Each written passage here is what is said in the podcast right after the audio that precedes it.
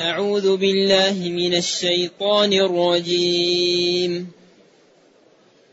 قل هل تربصون بنا إلا إحدى الحسنيين؟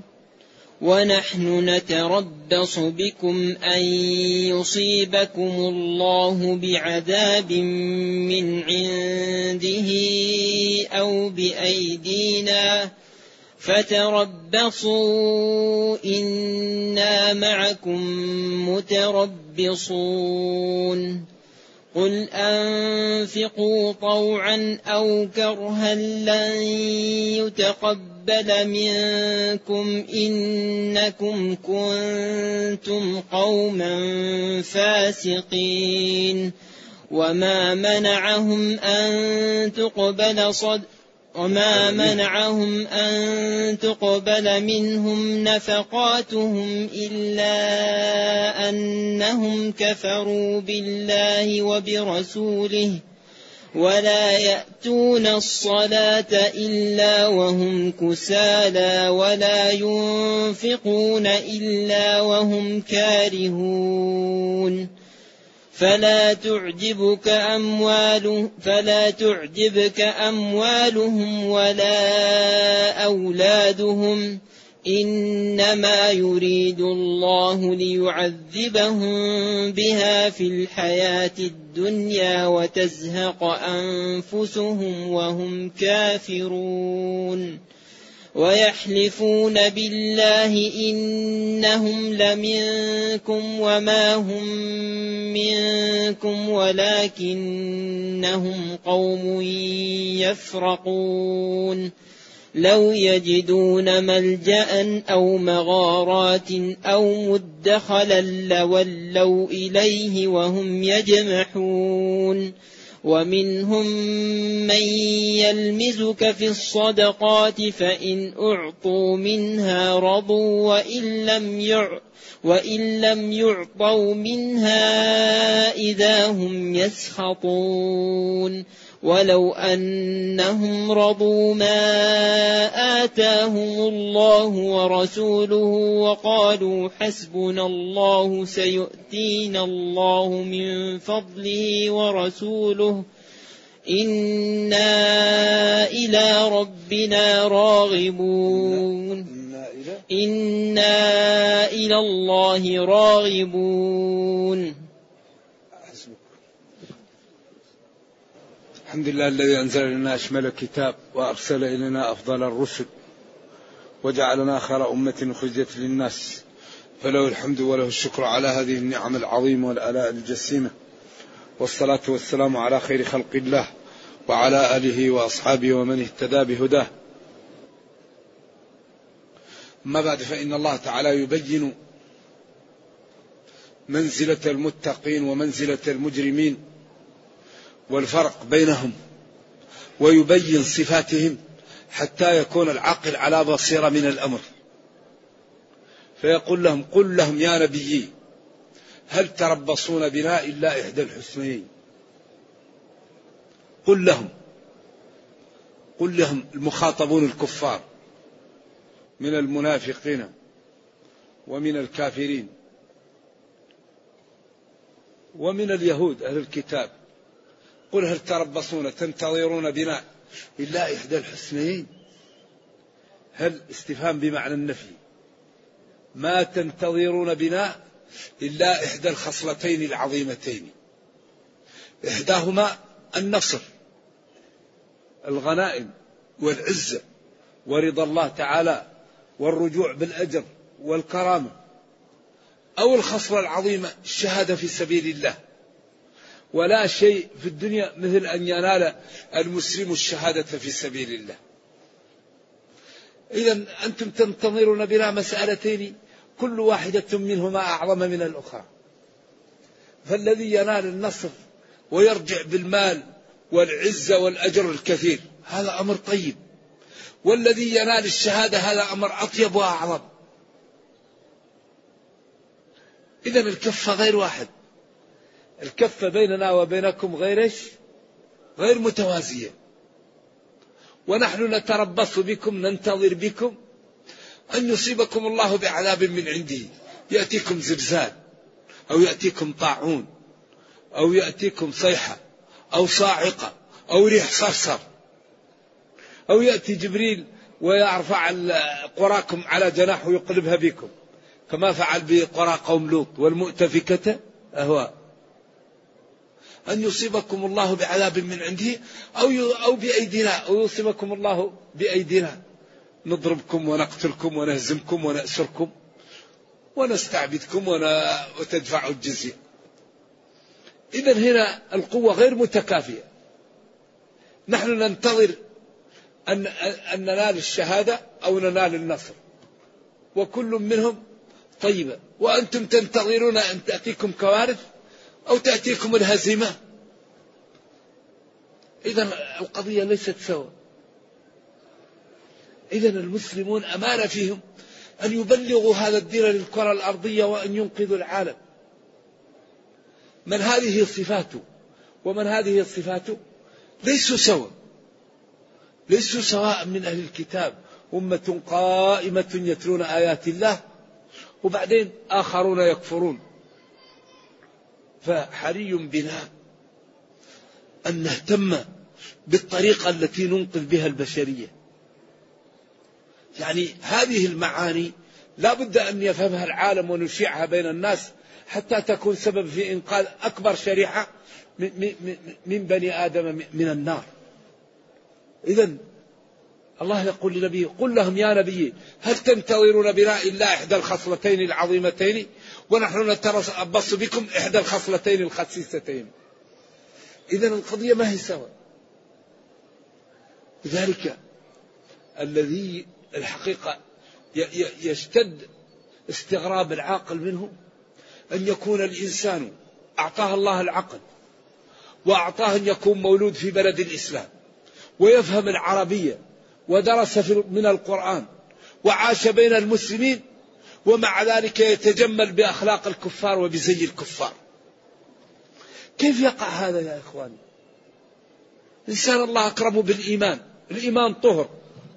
وأكرمه بفهم القرآن. القرآن معجزة خالدة إلى قيام الساعة. وأكرمه بأن كان نبيه أفضل الأنبياء. وأعظمهم. وأشجعهم. وأجملهم. وأحسنهم. مجمع الفضيلة. الله يقول وإنك لعلى خلق عظيم. وبعدين تشوفوا يعني يرمي عقله ويرمي كل شيء ويكون يتبع زبالات الفرنج والكفرة ويتجمل بزي الكفار وينتفخ إنه يكون مثل الكفار. والله يقول في محكم التنزيل إنما المشركون نجس هذا كلام من؟ كلام من هذا؟ كلام الله. أين العقول؟ أين المروءة؟ أين الفهم؟ كيف الله يكرمني بالإسلام وبالإيمان وبفهم القرآن وباتباع محمد صلى الله عليه وسلم؟ كنا نتجمل بنكون زي الكفار. ونلبس لباس الكفار ونتجمل بأخلاق الكفار. أين البصيرة؟ أين العقل؟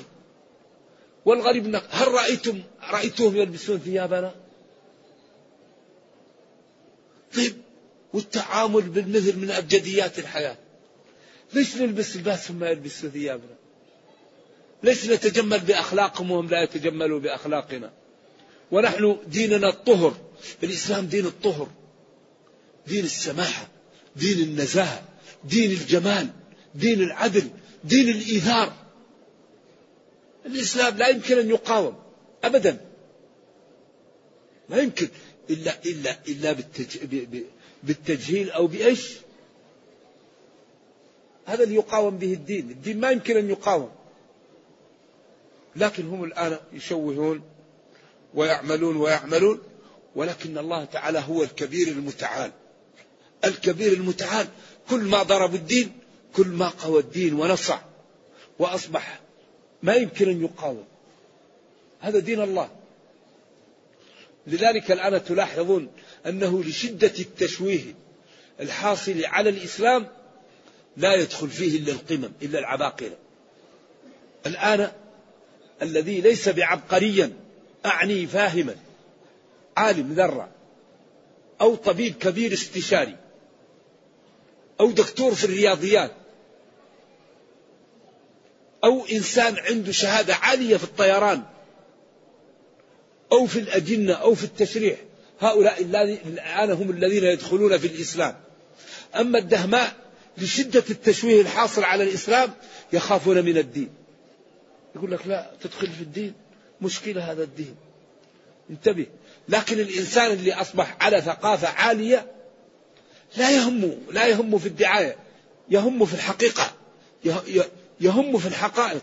فتجد أنه الآن في الغرب وفي الشرق أغلب من يدخل في الإسلام العباقرة موريس بوكايس في فرنسا صاحب العلم والأديان الثلاثة. أحمد فن دنفر في ميونخ في ألمانيا. حمزة يوسف سحنون في لوس أنجلوس يوسف إسلام في لندن في بريطانيا. تجد أنه الآن كل من يدخل في الإسلام عباقرة كراين في, في نيويورك. هؤلاء العباقرة هم اللي يدخلون في الإسلام. كراين هذا كان مستشار لنكسن أيام ولايته وكلفه بدراسة الإسلام. كان ذكي ذكاء غير عادي. فلما درس الإسلام دخل في الإسلام. فلما دخل في الإسلام فصلوه. فصلوه من وظيفته. فجاء معتمر للمدينة. فصار عنده مكتب يبيع المعلومات. يبيع العلم. عنده مكتب. أي واحد يريد معلومات يبيع له هي. والغريب أن في الغرب العلم يبيعوه كما نبيع الماء. وأربح شيء عندهم العلم. واحد يريد أن يسافر. يأتي لمركز يقول له البلد اللي نجيه ما عاداته. ماذا نتجنب. كيف نعمل؟ واحد يريد أن يدرس. كيف نبدأ بدراستي؟ واحد يريد أن يعمل مشروع. كيف نعمل في مشروعي؟ في مراكز لبيع المعلومات. يختصروا على الناس الطريق. نحن الواحد يعمل مشروع يدرس عشر سنين خطأ وصواب بعدين يصل إلى الصح. هم على طول يبدأ وش؟ فيما وصل إليه الناس لينتجوا يعلمون ظاهرا من الحياة الدنيا. فالمهم جاء. فجلسنا قلت له طيب ما بما أنك ابتليت لأجل الإسلام بما توصينا به؟ قال القدوة القدوة القدوة القدوة. الإسلام ينتشر بالقدوة. وهو لا زال يطلع جريدة الآن في نيويورك. لا في واشنطن أظن. هو اسمه فلان كراين. عنده جريدة وعنده مركز للمعلومات وكان ذكي ذكاء خارق. فكلفوه بدراسة الإسلام فلما درس الإسلام دخل في الإسلام. وكم من إنسان يدرس الإسلام ليرد على الإسلام فيدخل في الإسلام. لذلك الإسلام دين عجيب. هذا القرآن يقول للكفار أنتم تتربصون بنا إحدى فضيلتين ونحن نتربص بكم إحدى خصيصتين. هل هذا يستوي؟ قل هل يستوي الأعمى والبصير؟ أم هل تستوي الظلمات والنور؟ أفنجعل المتقين كالمجرمين؟ ما لكم كيف تحكمون؟ إذا ديننا لا يقاوم إلا بأحد أمرين إلا أن يجهل المسلمون الإسلام أو لا يسمح للمسلمين أن يبينوا جمال الإسلام وحسنه. هذا الذي يقاوم به الإسلام. أما إذا فهم المسلمون الإسلام وقيل لهم تكلموا أو بينوا لا لا يغلب الإسلام فحري بنا أن نجتهد. نجتهد. نهتم بالقراءة. نقرأ. نهتم بمعرفة الطيبين ليساعدونا. نهتم بمعرفة غير الطيبين لنحذرهم ونحجمهم ونقف في وجوههم لكي لا يفسدوا البلاد والعباد والدين. يعني أن نتعود على المروءة نتعود على الفضيلة. الفضائل لا تنال إلا بالتعب. الفضائل ثمار شجر يسمى علو الهمة الذي لا تعلو همته لا ينال الفضائل. حمل المشقة واحتمال أذى الورى. ليس المشمر للعلا كالقاعد. قل للذي طلب العلا بسواهما هيهات تضرب في حديد بارد. إذا هم ينتظرون ب... نحن ننتظر ينتظرون بنا إحدى الحسنين ونحن ننتظر بهم إحدى الخسيستين. أن يأتيهم كارثة أو يأتيهم العذاب على أيدينا. قل تربصوا انتظروا. أمر للتهديد. فإنا معكم متربصون منتظرون. من الذي يكون له العزة والغلبة والمنعة؟ ومن هو على الصح؟ ومن هو على الخطأ؟ الآن كل ما درسوا عن شيء يجدوه في الإسلام. المحافظة من الفيروسات ومن الميكروبات ومن الوساخة. الإسلام أوجب على كل مسلم يغسل طرفه خمس مرات في اليوم. إذا قمتم إلى الصلاة فاغسلوا وجوهكم وأيديكم. الرياضة المهمة أهم رياضة في الدنيا الصلاة. لا توجد رياضة مثل الصلاة. بعدين تقف وبعدين تركع وبعدين تسجد وتسجد على سبعة أعظم وبعدين ما تعمل كذا ولا كذا. فتجد أنه أكبر ما وصل إليه الرياضة الآن طريقة الصلاة. بعدين لا تسهر الظهر ولا تصوبه. ولكن بين ذلك. وقال ارفع حتى تعتدل. ما قال حتى تطمئن؟ ارفع حتى تعتدل. لأنه قد يطمئن وهو منحني. في نص البخاري ثم ارفع حتى تعتدل قائما. نص البخاري تعتدل قائما. بعدين الصوم. كيف يقوي الجسم ويعلم الصبر؟ دين عجيب. بعدين الزكاة. كيف تزيل غضب الفقير؟ وكيف التكافل؟ ومساعدة. دين دين رائع. بعدين التغاضي إكرام الجار إكرام الضعيف إكرام الكبير الصبر الإيثار الستر. محبة الخير للآخرين نزع الحسد والأنانية والبطر والأشر من القلب حتى يكون الإنسان مؤمن. والله لا يؤمن أحدكم. والله لا يؤمن. في مسلم. حتى يحب لأخيه. دين دين رائع الإسلام. معاني معاني الحقيقة يطرب لها تسيل اللعاب. كيف, كيف الإسلام يرغم المسلم على أن ينزع ما في قلبه؟ لا بد أن يحب المسلمين. هذا واجب. لا بد أن يختارهم عن, عن غيرهم. ومدح الذين يؤثرون على أنفسهم. وأباح المكافأة وجعل العفو أفضل.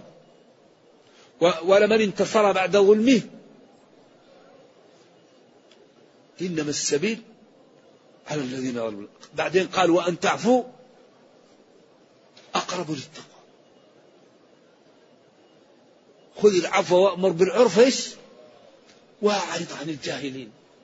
خذ العفو السهل وأمر بالعرف أمر بالجميل وبالحسن. وإن جاءك شيء من جهل أتركه. دين دين روعة الحقيقة. إذا أنتم ما الذي تتربصون بنا أيها الكفار؟ نحن المسلمين. ما الذي تريدون منا؟ نحن تربصون بنا إحدى الحسنين. يا نصر يا شهادة. وكل منهما أجمل من الآخر. ونحن نتربص بكم أن تأتيكم كارثة إما طبيعية من الله أو كارثة على يدنا. وأمران أحلاهما مروا. فانتظروا. أمر للتهديد. إنا معكم منتظرون. والزمن كفيل بأن يبين الحق بأن يبين الصادق بأن يبين النافع بأن يبين الأمثل بأن يبين الأنفع. أكبر شيء في صالح المسلمين الوقت. الوقت عجيب في صالح المسلمين. لكن إذا كانوا المسلمين إذا كان المسلمون مسلمين.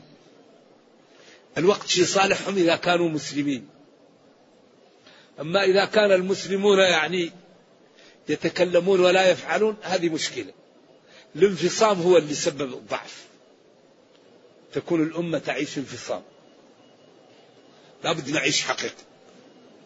الدعاية لا تنفع إلا لمن لا يريد أن يعمل. أما الذي يريد أن يعمل الدعاية تضيع عليه المشاريع وتقزمها. إنسان يعمل بمقدراته ويعيش واقعه ويقوم بما يستطيع والله تعالى يكمل. قل هل. أن يصيبكم الله بعذاب من عنده أو بأيدينا فتربصوا إنا معكم متربصون. انتظروا. إنا معكم منتظرون والعاقبة للمتقين. طيب قال جل وعلا قل أنفقوا طوعا أو كرها. قل لهم يا نبي انفقوا سواء طائعين أو كارهين. كان الإنفاق عن محبة ورضا أو عن كره وعدم رضا. فعلى كل حال لن يتقبل منكم. ويدخل في هذا دخول أولي الجد بن قيس.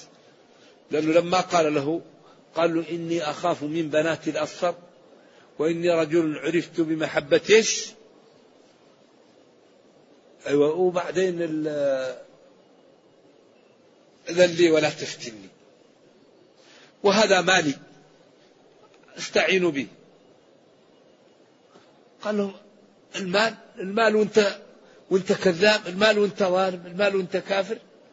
الإسلام لا يهتم المال يعني لا يعتبر شيء وإن كان مهم. المهم ما في النفوس.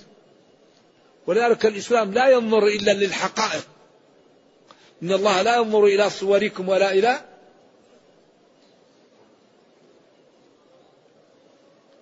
ولا إلى أجسامكم. ولكن ينظر. أيوة الإيمان هذا. لن يتقبل منكم. لماذا؟ إنكم كنتم قوم فاسقين. كنتم قوما خارجين عن طاعة الله تعالى لا تطيعونه ولستم بمسلمين ومن شرط قبول العمل الدخول في الإسلام. وأنتم أصلا عملكم لا يقبل. فإذا سواء بذلتم المال في حالة رضا أو في حالة كره لا يقبل منكم. لأن الذي قمتم به وكان في قلوبكم أعظم من, من, من, من أن يدفع المال ولا شيء. لذلك ينبغي للعاقل يحاول أن يكون عنده رأس المال. لأن رأس المال هو ماذا؟ هو الإيمان. الإيمان هو رأس المال. فإذا لم يحافظ الواحد على رأس المال يكون كل العمل منخوب. ذلك أهم شيء يحرص عليه المسلم الإيمان. ومن أكثر ما يقوي الإيمان إزالة الإشكالات والشبه لأن الشبه والإشكالات تعوق عن قوة الإيمان. يكون واحد عنده شبه يقول أنا لو نسأل يقولوا إيش؟ يقولوا هذا زنديق أو هذا إيش؟ وهذا ضال. وتبقى فيه الشبه فتعوقه عن قوة الإيمان. لا المسلم إذا أشكل شيء يسأل عنه حتى يزول عنه فيقوى إيمانه فينشط على العبادة. ولذلك عمر قال له أنت يا رسول الله أحب إلي من كل الناس إلا نفسي. قال له لا يا عمر لا حتى أكون أحب إليك من نفسك. قال له الآن أحب إلي من نفسي. خلاص ما دام كذا لازم. الرجل الذي جاء للنبي صلى الله عليه وسلم يريد المعصية مسح صدره قال اللهم اذهب ما في قلبي. والرجل الذي كان يوم حنين يريد أن ينتقم لأقرباء الذين قتلوا في المعارك السابقة. التفت عليه وقال اللهم أزل ما في قلبه. ما لك يا فلان؟ قال فانقلب ما في قلبه. إيش؟ محبة للنبي صلى الله عليه وسلم. دخل الإيمان. لأن الإيمان شبيه بال...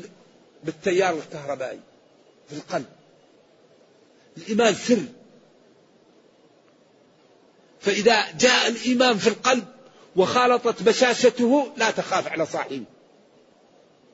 وإذا كان الإنسان يشتغل ولم يدخل الإيمان قلبه هذا هو المشكل. هذا اللي سبب النفاق.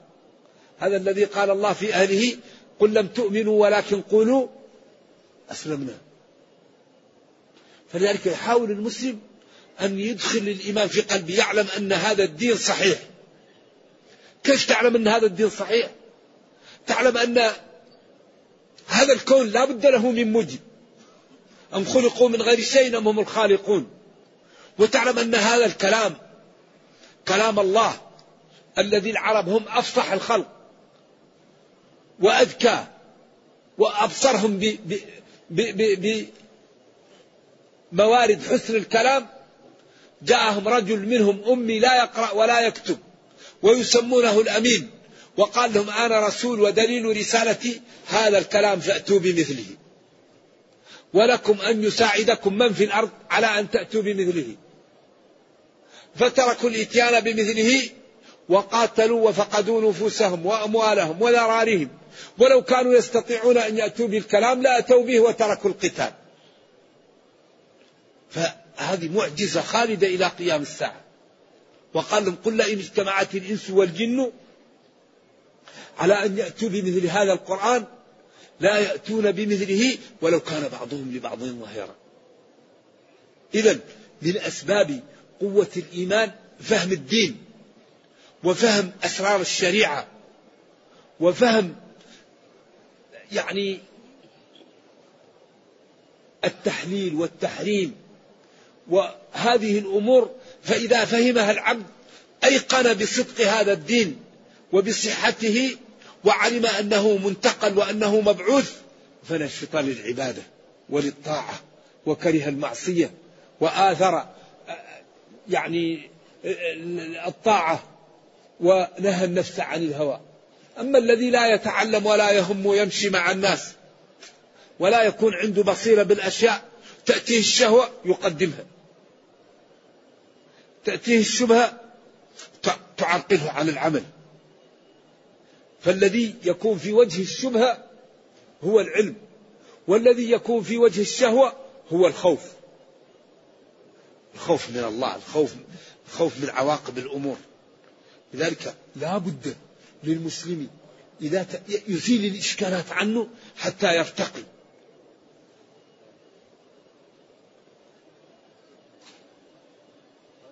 الشيطان يأتي للإنسان من كل جهة.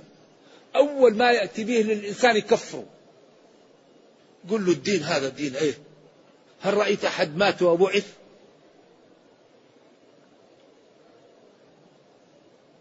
ف... فإذا جاءت الأدلة على أن الله تعالى لم يرينا أحدا مات وبعث لكن أرانا الأرض ميتة وحية ما الفرق بين الأرض؟ تكون قاحلة ينزل عليها المطر وتنبت وتخرج لنا إيش؟ الثمار والزروع والظلال والزهور وبين الإنسان إذا مات وحي. ولذلك قال وترى الأرض هامدة فإذا أنزلنا عليها الماء اهتزت وربت وأنبتت من كل زوج بهيج ذلك بأن الله هو الحق وإيش؟ وأنه يحيي الموتى كما أحيا الأرض. وقال كذلك النشور كما أحيا الأرض. وقال وكذلك تخرجون كما أخرج النبات. هذه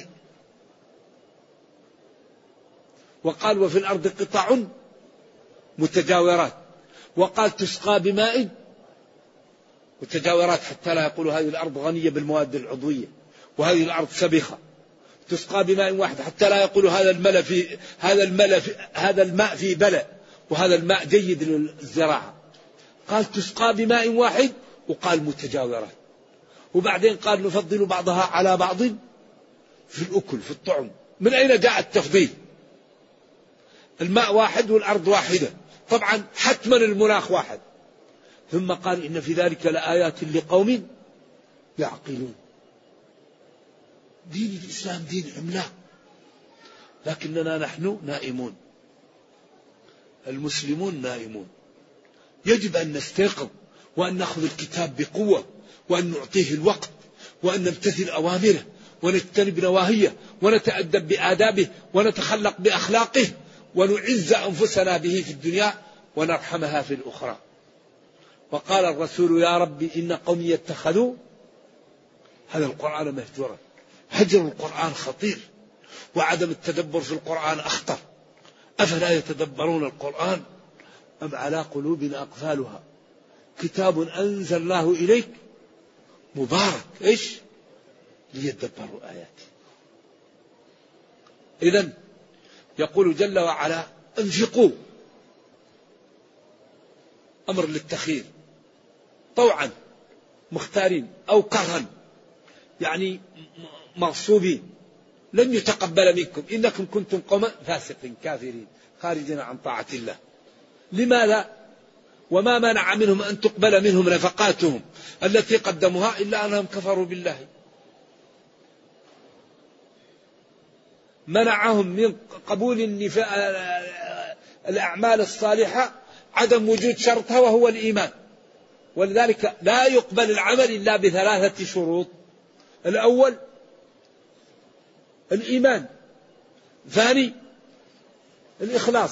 ثالث شيء الاتباع.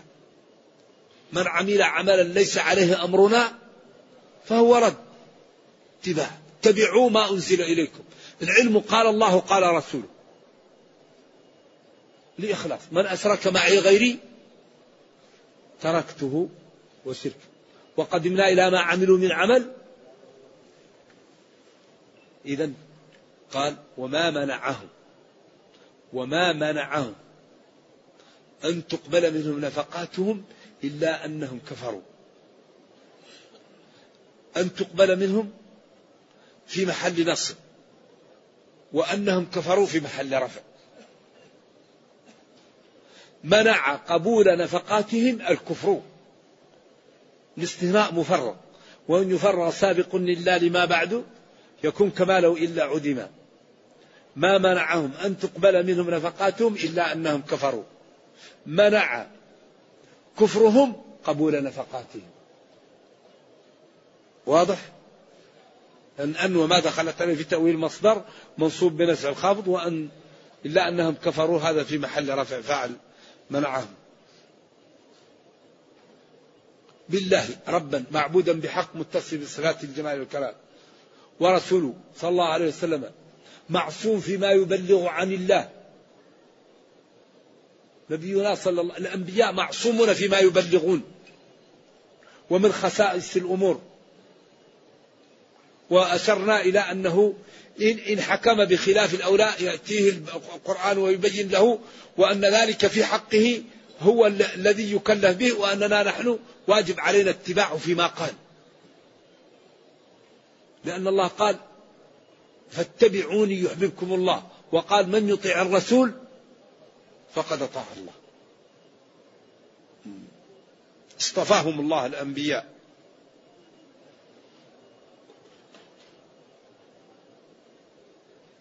ولا يأتون الصلاة إلا وهم كسالى. وهذا أيضا فيه إياك يعني واسمعي يا جارة المسلمون يبتعدوا عن هذه الأشياء حتى لا يتشبهوا بالمنافقين والكافرين. فيبذلوا ويؤمنوا ويصدقوا ويشرحوا ويسارعوا إلى الخيرات كما قال فاستبقوا الخيرات سابقوا إلى مغفرة سارعوا. فلا نتشبه بهؤلاء. من تشبه بقوم فهو منهم. ولا يأتون الصلاة إلا وهم كسالى.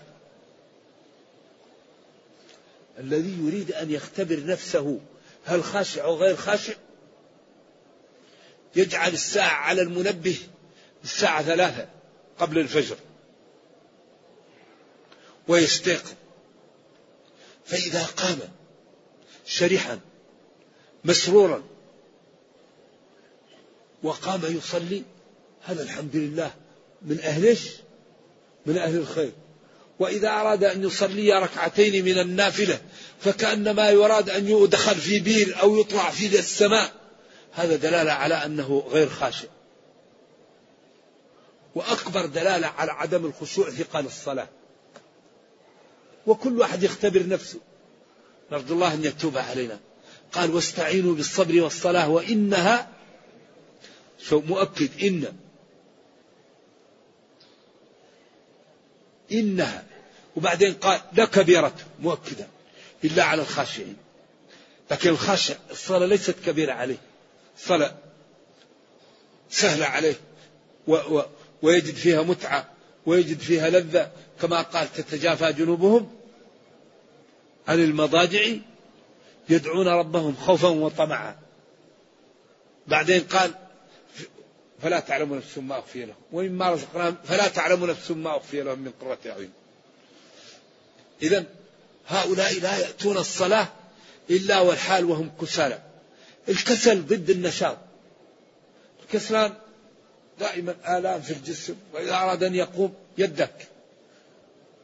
ما يستطيع يقوم يكون ما هو مريض لكن يا شيخ يدك يجد واحد. وتشوفه يتمعطع كذا كذا كسلان. بخلاف النشيط. ذلك المسلم المؤمن القوي. خير وأحب إلى الله. سارعوا. لذلك واحد من المسلمين كان أمير على جهة من الجهات في عمر. وسمع عنه عمر شيء وأنوى عمر أن يعزله. فجاء لحاجب عمر وقال له قل لي ما الذي يعجب عمر. قال له عمر يعجبه الرجل القوي الجلد الخشن الذي يمشي ومجتهد في الأمور. فرح وكان لابس ثياب جميلة غير الثياب ولبس ثياب خشنة. وجاء بعصا ولما جاء يعني ظهر الخشونة فأعجب به عمر. وتركه في المحل. عمر لا يعلم الغيب. هو عرف كيف كان رجل كان عنده ذهب.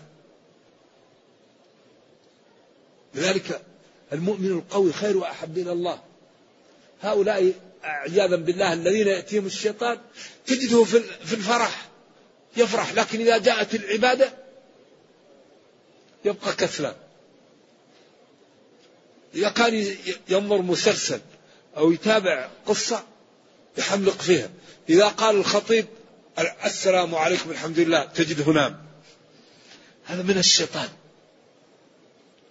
لأن النوم عند الخطبة من الشيطان. لكن النوم في فيش في الصفوف؟ إيش؟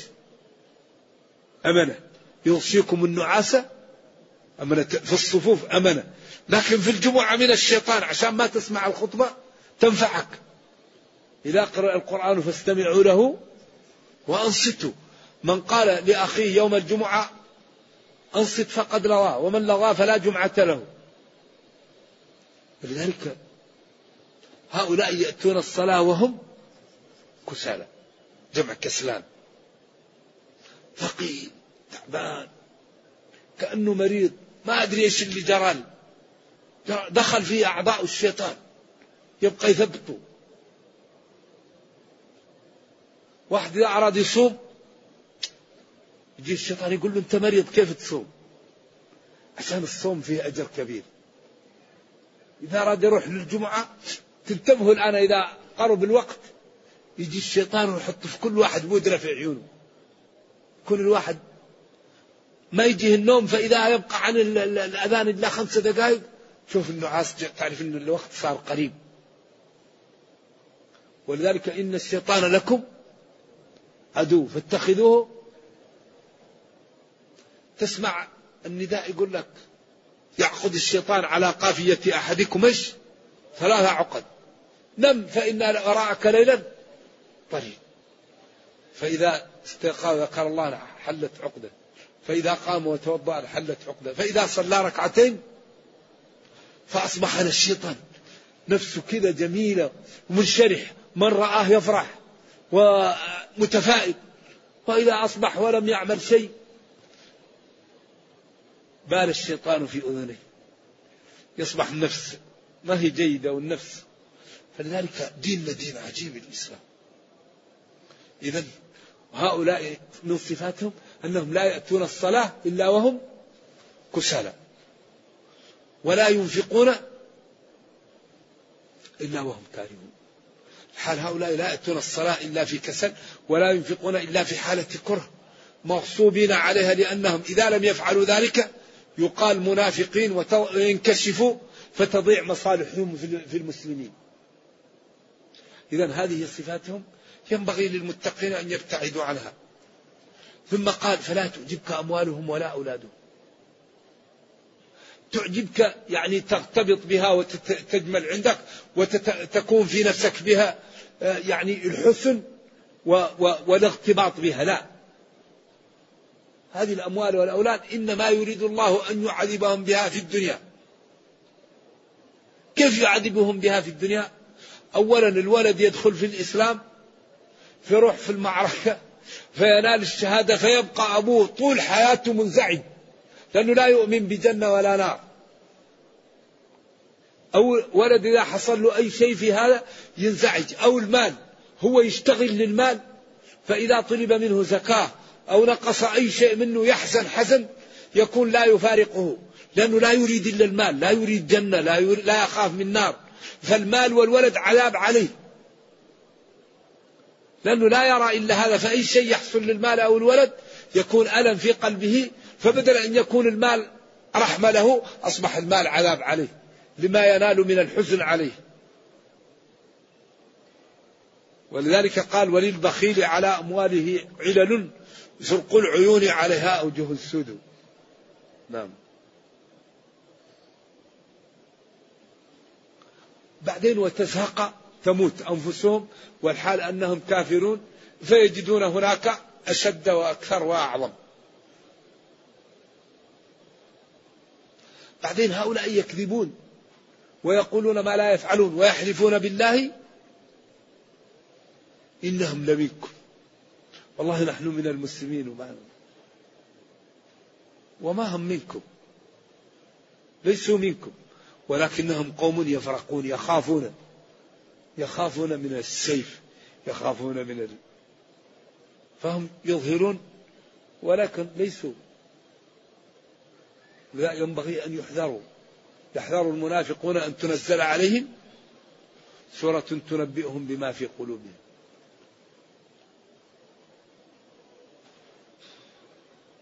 لو يجدون ملجأ يلجؤون فيه. حصن أو أي شيء.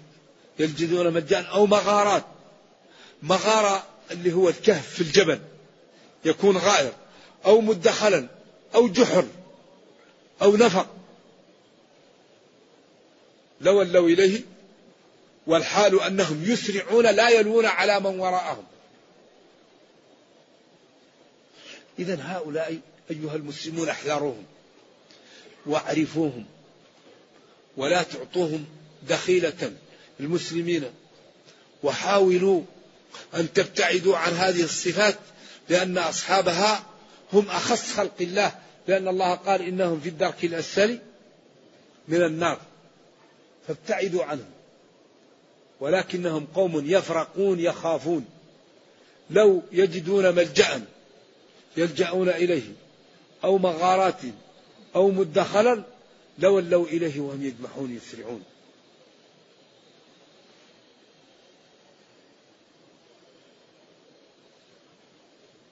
إذا هذه صفاتهم الآية اللي قبل هذا إيش هي؟ اللي فيها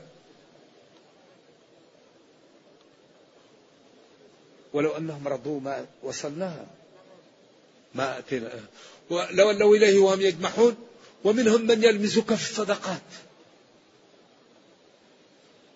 يقول هذاك ذو الخويصرة. قال قسمة ما أريد بها وجه الله. قال ويحك ومن يعدل إلا ما أعدل فإن أعطوا من الصدقات رضوا وسكتوا وإن لم يعطوا منها إذا هم يغضبون يسخطون ويتكلمون. إذا هم أصحاب مصالح لا أصحاب أهداف ولا أصحاب عقول ولا أصحاب مبادئ. إذا هذه الآيات عرت المنافقين وعرت الكافرين وبينت المسلمين وجعلت كل واحد يتبع الطريقة التي يراها ويكون على بصيرة من الأمر. فإن أعطوا من هذه الصدقات رضوا. قالوا ما شاء الله. وإن لم يعطوا منها إذا هم يسخطون ومنهم من أيضا يعيب المسلمين فإذا جاء مال كبير يقول هذا مرائي وإذا جاء بمال قليل يقول هذا ما الذي ينفع. إذا هم قصدهم العيب والتنغيص وهم قصدهم القعود وهم قصدهم إيش؟ الإفساد. لا خير فيهم فلا تجعلوهم قدوة ولا تسمعوا منهم وابتعدوا عن أخلاقهم وصفاتهم واعلموا أين يكون العز وأين يكون النجاة. فاسلكوا طريق العز والنجاة فإنكم إن فعلتم ذلك صلحت لكم دنياكم وأخراكم.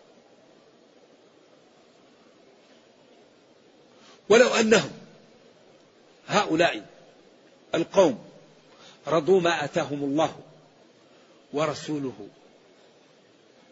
من الغنائم أو من القسمة وقالوا حسبنا الله يكفينا الله ورسوله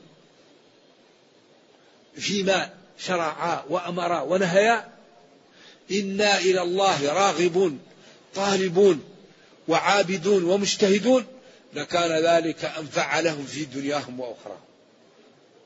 لكان ذلك أنفع لهم وخيرا لهم. لأن الجواب محذوف لكن مفهوم من السياق. ولو أنهم رضوا يعني قبلوا واكتفوا بما أتاهم الله ورسوله مما شرع لهم وأعطي لهم وقالوا حسبنا الله يكفينا الله ورسوله. حسبنا الله. يكفينا ما شرع الله لنا يكفينا ما أعطانا الله يكفينا ما قدر لنا. إنا إلى الله راغبون لا لغيره أي مطيعون منقادون لا لغيره. لو فعلوا ذلك لكان أحسن لهم ولصلحت لهم دنياهم وأخراهم. إذا نحن ينبغي لكل واحد منا أن يقول حسبنا الله ونعم الوكيل رضينا بالله ربا وبالإسلام دينا وبمحمد صلى الله عليه وسلم نبيا ورسولا ونعمل بشرع الله وما أردناه يعطيه الله لنا. نحن لو استقمنا على الدين كل ما نريد يعطينا الله إياه. لأن الله يقول أوفوا بعهدي أوفي بعهدي ويقول إن تنصروا الله ينصركم. ويقول إن الله لا يضيع أجر من أحسن عملا. ويقول قوله الحق ومن أصدق من الله قيلا. إذا فلنجتهد في طاعة الله على ضوء شرع الله ولنرفق بخلق الله ولندعو الناس بأخلاقنا ونقبل منهم ما يستطيعون تقديمه لدينهم ولأمتهم ولنكن قدوة حسنة في الخير ولنبشر بالخير. فلنكن قدوة حسنة. قدوة. ولنبشر بالخير نرفق بخلق الله. ونرجو الله جل وعلا أن يرزقنا وإياكم الاستقامة. وأن يرينا الحق حقا. ويرزقنا اتباعه. وأن يرينا الباطل باطلا ويرزقنا اجتنابه. وأن لا يجعل الأمر ملتبسا علينا فنضل. اللهم إنا نسألك أن تصلح لنا دنيانا التي تصلح لنا دنيانا التي فيها معاشنا وأن تصلح لنا آخرتنا التي إليها معادنا. وأن تجعل الحياة زيادة لنا في كل خير والموت راحة لنا من كل شر. اللهم ربنا أتنا في الدنيا حسنة وفي الآخرة حسنة وقنا عذاب النار. اللهم اغفر لنا ذنوبنا كلها دقها وجلها أولها وآخرها علانيتها وسرها. اللهم إنا نسألك أن تحفظ هذه البلاد للإسلام والمسلمين وأن تحفظ بلاد المسلمين عامة وأن توحد صفوفهم وتقوي شوكتهم وأن ترد عنهم كيد أعدائهم. اللهم اشف مرضانا ومرضى المسلمين. اللهم اشف مرضانا ومرضى المسلمين. ونفس كروبنا وكروب المسلمين. وتجاوز عن سيئاتنا وسيئات المسلمين. سبحان ربك رب العزة عما يصفون. وسلام على المرسلين. والحمد لله رب العالمين. والسلام عليكم ورحمة الله وبركاته. السلام عليكم. ورحمة الله وبركاته. سؤال. بعد الصلاة مباشرة هل نقول اللهم إني على ذكرك وشكرك وحسن عبادتك؟ أو نبدأ مباشرة بقولي ثلاث مرات استغفر الله؟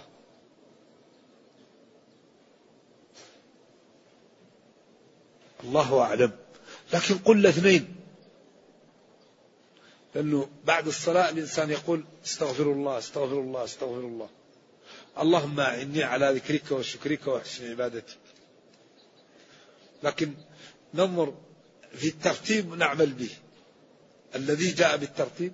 وإذا قلتهم طيب لكن كون أن هذا قبل هذا الله أعلم. لكن يمكن استغفر الله يرتقال وبعدين تقول سبحان الله والحمد لله. سبحان الله والحمد لله. والله أكبر. ثلاثة وثلاثين. لا إله إلا الله. هل تقولها مع بعض؟ أو تقول سبحان الله. ثلاثة وثلاثين. الحمد لله. الله أكبر. كل قيل. بعدين تقول لا إله إلا الله ثم تقول في نهاية ذلك تقرأ آية الكرسي. الله لا إله إلا هو الحي القيوم. اللهم أعني على ذكرك وشكرك وحسن عبادتك. هذه أشياء وردت وعملها مفيد. وبعدين ينبغي أن نهتم بأدعية الصباح والمساء وأذكار الصباح والمساء. لأن فيها الأجر وفيها بإذن الله تحصيل. فيها أدعية إذا قال الإنسان يحفظ بإذن الله. يقول نريد منكم منهجية نافعة في دراسة التفسير خصوصا وعلوم القرآن عموما.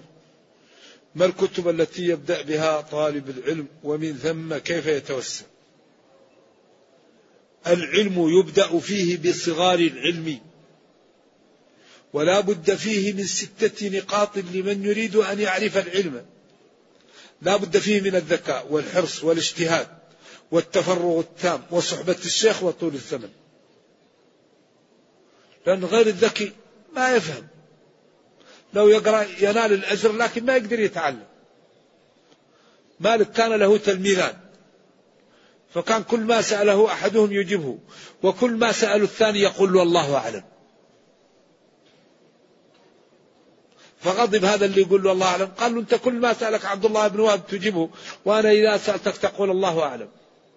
قال له عبد الله بن وهب رجل عالم إذا أخطأت يعرف أني أخطأت. وأنت إنسان مغفل إذا أخطأت تعتبر هذا دين وأنا ما عندي حكم في هذا ما أجيبك. لأنك إنسان مغفل وأنا ما عندي نص في المسألة. أما عبد الله بن وهب رجل فاهم. لو أخطأت يرجع عن الخطأ. أما أنت تعتبر كلامي وحي وأنا كلامي يمكن مخطئ فلا أجيبك. وقال أدركت سبعين من التابعين يستسقى بهم ولا يؤخذ منهم العلم. لأن ما عندهم أهلية العلم. ولذلك العلم بالصلاح. العلم ليس بالحفظ. العلم بالصلاح ملكة لكن ينمى بالحفظ. فالكل من أهل المناحي الأربعة يقول لا أدري. العلم ملكة. الشافعي ولد عالم. لأن الله أعطاه ملكة العلم. مالك. لكن في واحد طول حياته يدرس مسكين ولو تسأله كم أركان الصلاة. ما يفهم ما ما يفرق بين الركن والشر. لأن الله ما أعطاه الفهم.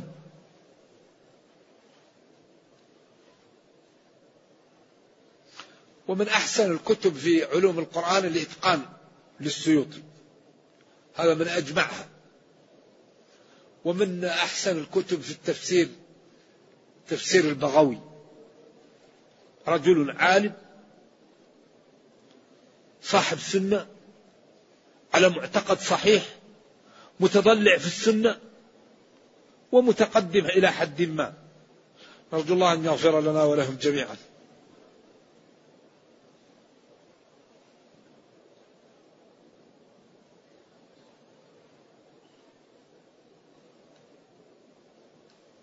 هل هذه العبارة صحيحة؟ إذا اقتنعت بشيء لا تلزم به غيرك. عبارة قد تكون صحيحة وقد لا تكون صحيحة. إذا الإنسان ما له أن يلزم الناس له أن يبين للناس. لا يضركم من ضل. ليش ما هو الاهتداء هنا؟ الاهتداء هنا ما هو؟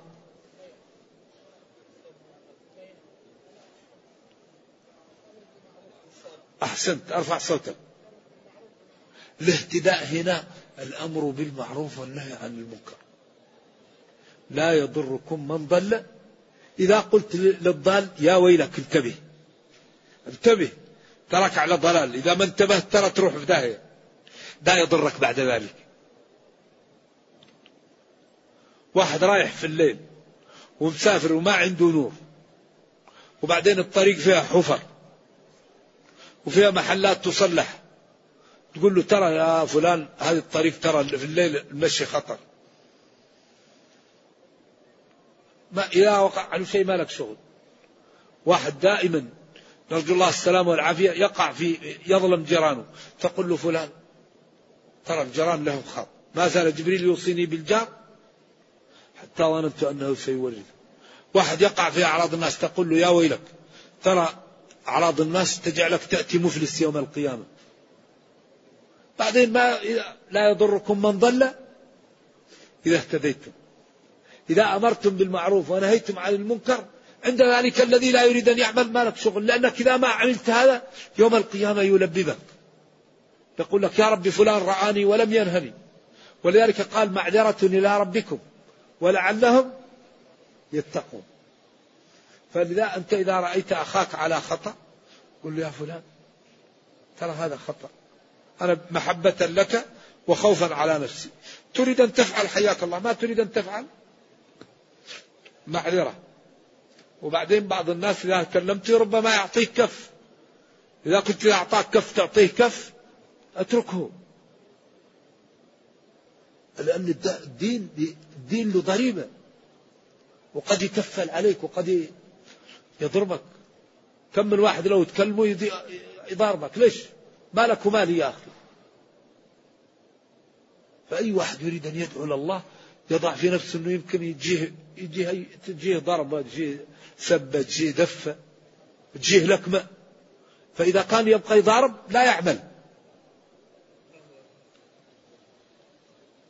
نعم. إذا الذي يدعو الله إذا كان يريد أن يضارب يترك الدعوة.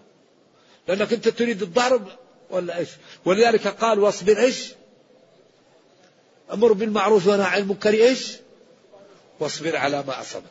لأن الناس شهوتها أي واحد يقف فيها يكرهوه قالوا ما ترك الحق لعمر صديقا. كل الناس نفرت من من عمر. ليش؟ الحق. لأنه كان بايعها. عمر بايعها. من يوم ما دخل في الدين قال إحنا على حق. قال على حق. قال الله أكبر وأذن. جاءت قريش وضربته ضربها. على طول. لما أراد أن يهاجر قال من أراد أن تشكله أمه فأنا وراء هذا إيش؟ قالوا إنه عمر. أخوه آه، ختنه زوج أخته لما سمعوا جاي قال عمر عمر. والثاني راح. عمر كذا لما دخل ونساء عند النبي صلى الله عليه وسلم ابتدرنا الحجاب فضحك النبي صلى الله عليه وسلم. فقال أضحكك الله أضحك الله وسمك قال هؤلاء كنا يرفعن أصواتهن عندي فلما دخلت ابتدرن بالحجاب. قال يا عدوات أنفسكن ما لكن تهبنني ولا تهبن رسول الله صلى الله عليه وسلم. قالوا أنت شديد ورسول الله صلى الله عليه وسلم رحيم. قال النبي صلى الله عليه وسلم إيه يا ابن الخطاب؟ ما رآك الشيطان سالك فج إلا سلك فج آخر. ما رآك الشيطان سالك فج إلا سلك فج آخر. رضي الله عنه. ف... ف... فالاهتداء لا يكون إلا بالبيان. البيان ما تسب وتقول له يا خبيث يا مجرم أنت تشرب دخان. أو يا لا.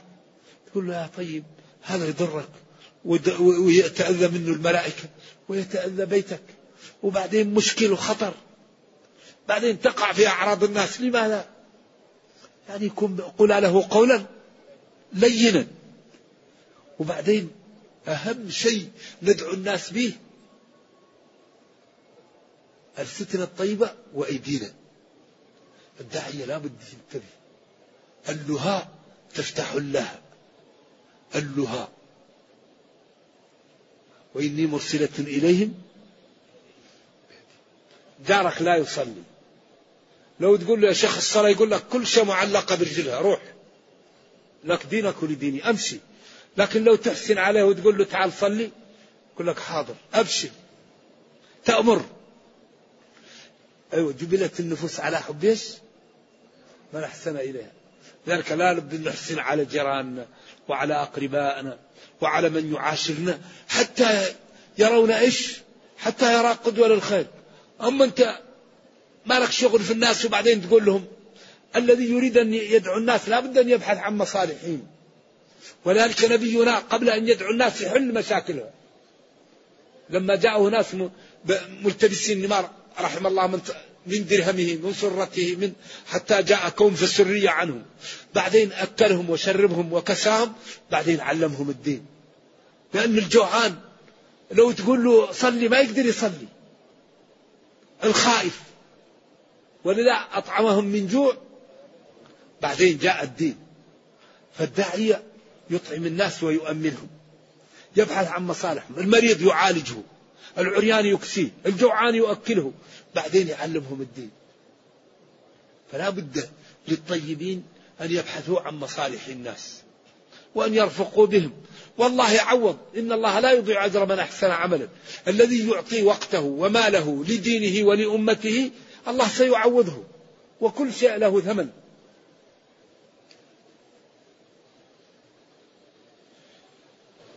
هذا سؤال فيه نوع من الخطورة شوية. يقول شيخنا جاء في حديث رواه أبو داود أن من صفات العرش أنه مقبب.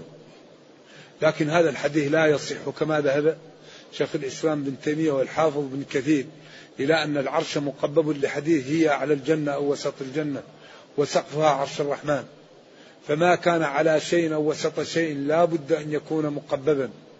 السؤال هل هذا الاجتهاد سائغ وهذا الاستنباط سائغ أم أن الأصل هو الدليل الصحيح الصريح؟ وما حكم من يقول أنا أتوقف ولا أقول إنه مقبب جزاكم الله خير. العرش والكرسي وهذه الأمور لا يتعدى فيها الدليل. ما قاله الله نقله وما نفاه ننفيه وما كان محتملا. لا, لا نلزم الناس آراءنا فيه. إذا كان هو محتمل لهذا القول وهذا القول اختر ما تريد ولا تلزم الناس باختيارك. لكن هذه الأمور غيبيات لا يتعدى فيها النص. ذلك الكرسي الأرض كالكرسي حلقة في فلاة والكرسي بالنسبة للعرش كلا شيء. ولذلك الله قال ولو أن ما في الأرض من شجرة أقلام والبحر يمده من بعده سبعة أبحر وجعلنا البحار مدادا والأشجار أقلاما وجلس الخلق يكتبون فيه بلايين السنين لجفت البحار وتكسرت الأقلام وما نفدت كلمات الله ما خلقكم ولا بعثكم إلا كنفس واحدة. يضع السماوات على أصبع والأراضين على أصبع ويقول أنا الملك الديان. والأرض جميعا قبضته يوم القيامة.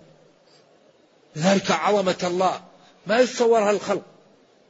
ويحك إنه الله مستو على عرشه بائن من خلقه ينزل كل ليلة إلى سماء الدنيا.